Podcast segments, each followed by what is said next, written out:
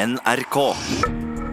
Riksrettssaken mot president Donald Trump har pågått i tre uker. This will be written about in the history books. This is going to go down in the history books. Vil han bli dømt, slik at han må fratre som president bare ni måneder før valget? One of President Trump's top lawyers claimed any president has almost unlimited power. I kveld kommer svaret. Trump blir frikjent. Det vet alle nå. I dette tilfellet så finner jeg nesten ingen som er uenig i at han kommer til å bli frifunnet i kveld. Så det store spørsmålet er ikke det. Men hvordan i alle dager det er mulig å bli frikjent når nesten alt taler for at han er skyldig?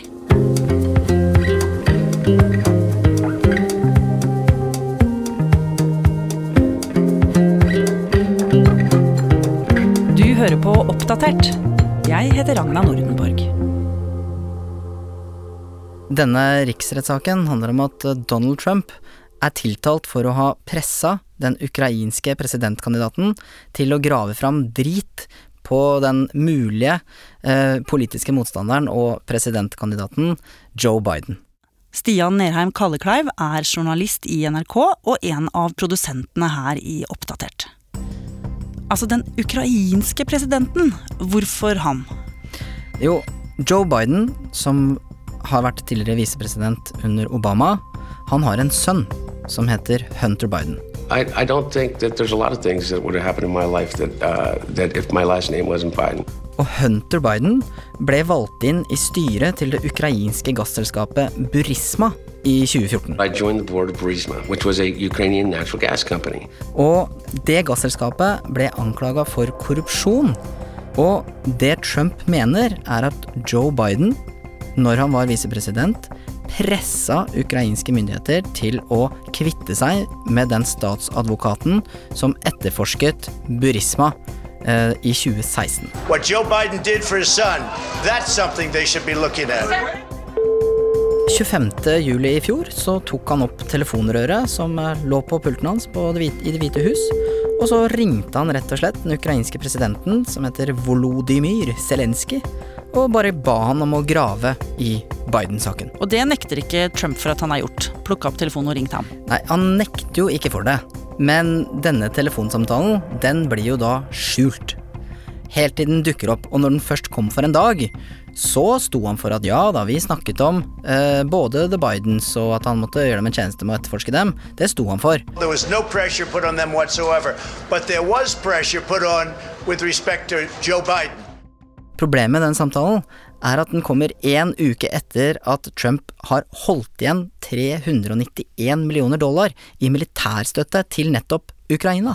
President Trump has been accused of threatening to hold back military aid to the Ukraine if leaders there fail to investigate former Vice President Joe Biden. De pengene brukes til å trene opp det ukrainske militæret og utruste dem med, hold deg fast, amerikanske våpen. Eh, Ukraina er jo den nærmeste grensa i Europa mot øst, altså mot Russland, som de er i krig med, så de er veldig avhengige av de pengene fra USA.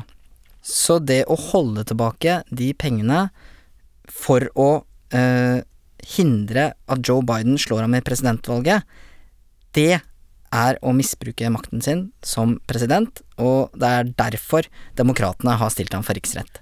Men hva har egentlig Trump innrømmet av alt dette?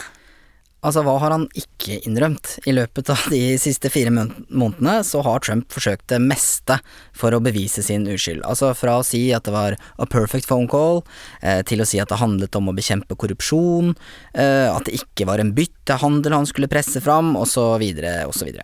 Men under etterforskningen, altså i tiden før det ble tatt ut riksrettssak, så satt han bare ned foten og nekta å gi ut dokumenter eller å la noen med førstehåndskjennskap til denne saken og vitne. We're following breaking news this morning and it's moving quickly. The White House blocking EU Ambassador Gordon Sondland from testifying to Congress just minutes before he was supposed to appear on Capitol Hill. He was set to. Men så blir det riksrettssak. Hear ye, hear ye, hear ye. All persons are commanded to keep silent on pain of imprisonment, while the House of Representatives is exhibiting to the Senate of the United States articles of impeachment against Donald John Trump, President of the United States. Og hva sier Trump da? Altså, Trump har jo ikke snakka sjøl i denne riksrettssaken. Det har han jo advokater som tar seg av. Og de har også gjort alt de kan for å overbevise kanskje ikke senatorene, men det amerikanske folk, om at Trump er uskyldig. Eh, under kryssforhøret i forrige uke så sa de til og med at det ikke var straffbart å bruke presidentmakten til å holde igjen penger til Ukraina likevel, selv om det var helt opplagt for å hindre en politisk motstander å bli valgt. If a president does something which he believes will help him get elected in the public interest, that cannot be the kind of quid pro quo that results in impeachment. Hvorfor ikke det? Jo, altså argumentasjonen da til disse advokatene var at det er ikke grunnlovsstridig å gjøre sånne ting om man handler i den tro at det er til nasjonens beste. Og om man går inn i hodet til Trump, så tenker jo han at nasjonens beste er jo at han blir gjenvalgt, ikke sant? Ja, for så vidt, ja. Og det betyr, da, om man eh, tenker som advokatene hans, at eh, Grunnloven gir presidenten rett til å gjøre egentlig hva som helst, så lenge han mener det er til nasjonens beste, også om det skulle være å presse en utenlandsk president til å grave fram drit på en politisk motstander. Men er dette virkelig argumentasjon som holder i en rettssal? Da må vi nesten se på hva en riksrettssak egentlig er. President Trump set to become the third president in American history to be impeached. With uh, Richard Nixon, there was a break in. With um, uh, Bill Clinton, there was sex in Yeah. the Oval Office. Yeah.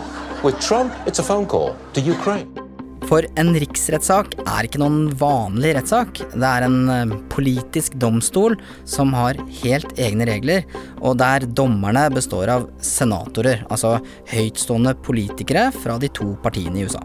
Republikanerne og demokratene. Helt riktig. Og siden republikanerne har flertall i dette senatet, hvor riksrettssaken utspiller seg, så har de også flertall i rettssaken. Og det betyr at det egentlig ikke spiller noen rolle hva som kommer fram, så lenge de stemmer lojalt til partiet sitt. Og det har vi jo hørt veldig mye om de siste ukene, Stian. At demokratene har forsøkt å få republikanerne til å skifte side i denne rettssaken. Ja, det vil si, det har ikke vært snakk om å prøve å få Trump domfelt. For det krever to tredjedels flertall, altså at 67 senatorer dømmer han. Og i Senatet er det 53 republikanere og 47 demokrater. Men det demokratene har ønska seg, er å få høre fra noen av de førstehåndsvitnene Trump har nekta å vitne. Og for å få til det, så trenger de bare flertall. Altså at fire republikanere stemmer med dem. Og det er jo egentlig det som har vært det mest spennende i denne historien. Ja, og du har jo sittet eh, dag og natt, vil jeg si, Stian, og fulgt denne rettssaken veldig tett. Ja. Hvor nærme har demokratene vært i å klare å få over nok folk til sin side? Altså, For de som har vært vant til å se på sjakk med Magnus Carlsen, så har dette her vært som å følge den derre sjakkpila som svinger bitte litt fra null på begge sider. Eh, vi har jo visst en stund at to republikanere ville stemme for å vitne, og det var relativt åpent med to til, inn mot at senatorene skulle stemme. Så demokratene har jobbet på spreng for å få flere republikanere til å skifte side. De har forsøkt å overbevise så godt de kan om at det Trump har gjort, ville fått grunnlovsfedrene til å snu seg i grava. Men så, under avstemningen natt til lørdag, så var det likevel ikke flere enn de to republikanerne alle visste om, som gikk imot eget parti. For all these reasons, I'm voting against the articles of impeachment tomorrow. Så på avstemmingen natt til lørdag så stemte man ikke om Trump var skyldig eller ikke, men om man skulle tillate nye vitner og dokumenter. Og det ville ikke republikanerne, selv om de visste at nye opplysninger kunne få sannheten fram. Ja, og det er jo nettopp dette med sannheten som er det store og viktige ordet her. For riksrettssaken viser jo at republikanerne ikke vil at hele sannheten skal fram. For de har jo stemt nei, både til vitner og til dokumenter. Og det gjør de jo til tross for at det er flertall i den amerikanske befolkningen både for å ha riksrettssak og for at de skal kalle inn nye vitner og nye dokumenter, sånn at man virkelig en gang for alle kan få klarhet i hva som har skjedd. Men allikevel så har de republikanske senatorene stemt nei. Det høres egentlig helt vilt ut. Altså, jeg mener, en rettssak uten at man vil at sannheten skal komme fram.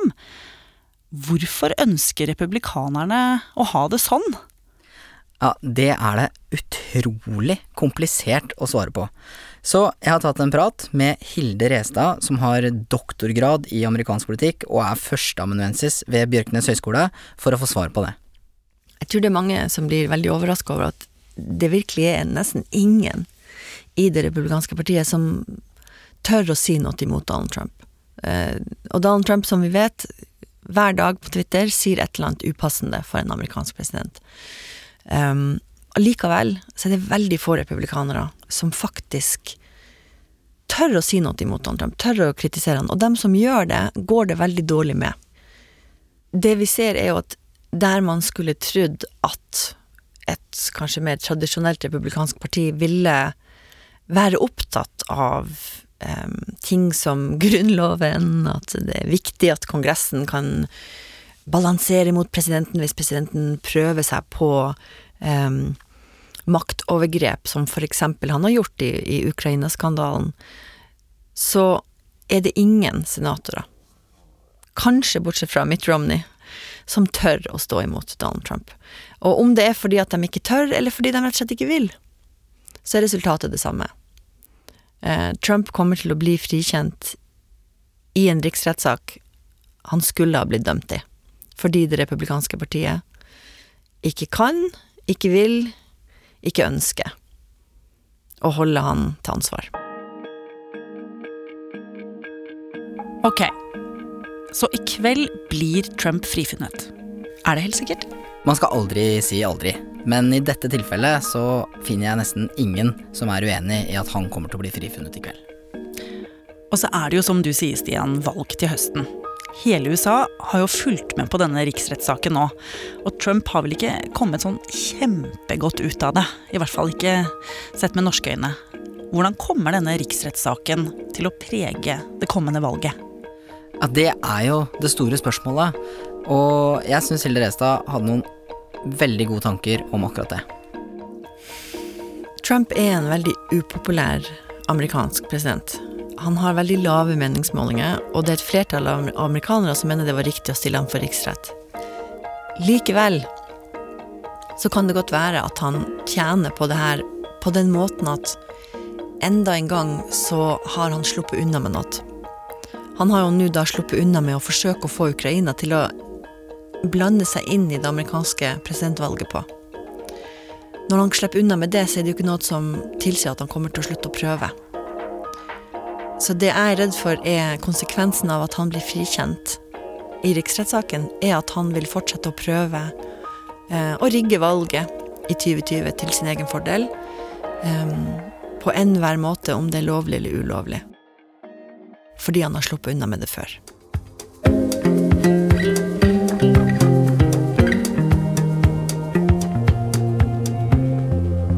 Oppdatert lages av Katrine Nybø, Jaran Ree Mikkelsen, Stian Kallekleiv, Natasha Arthur, Ida Tune Øretsland, Petter Sommer og meg, Ragna Nordenborg.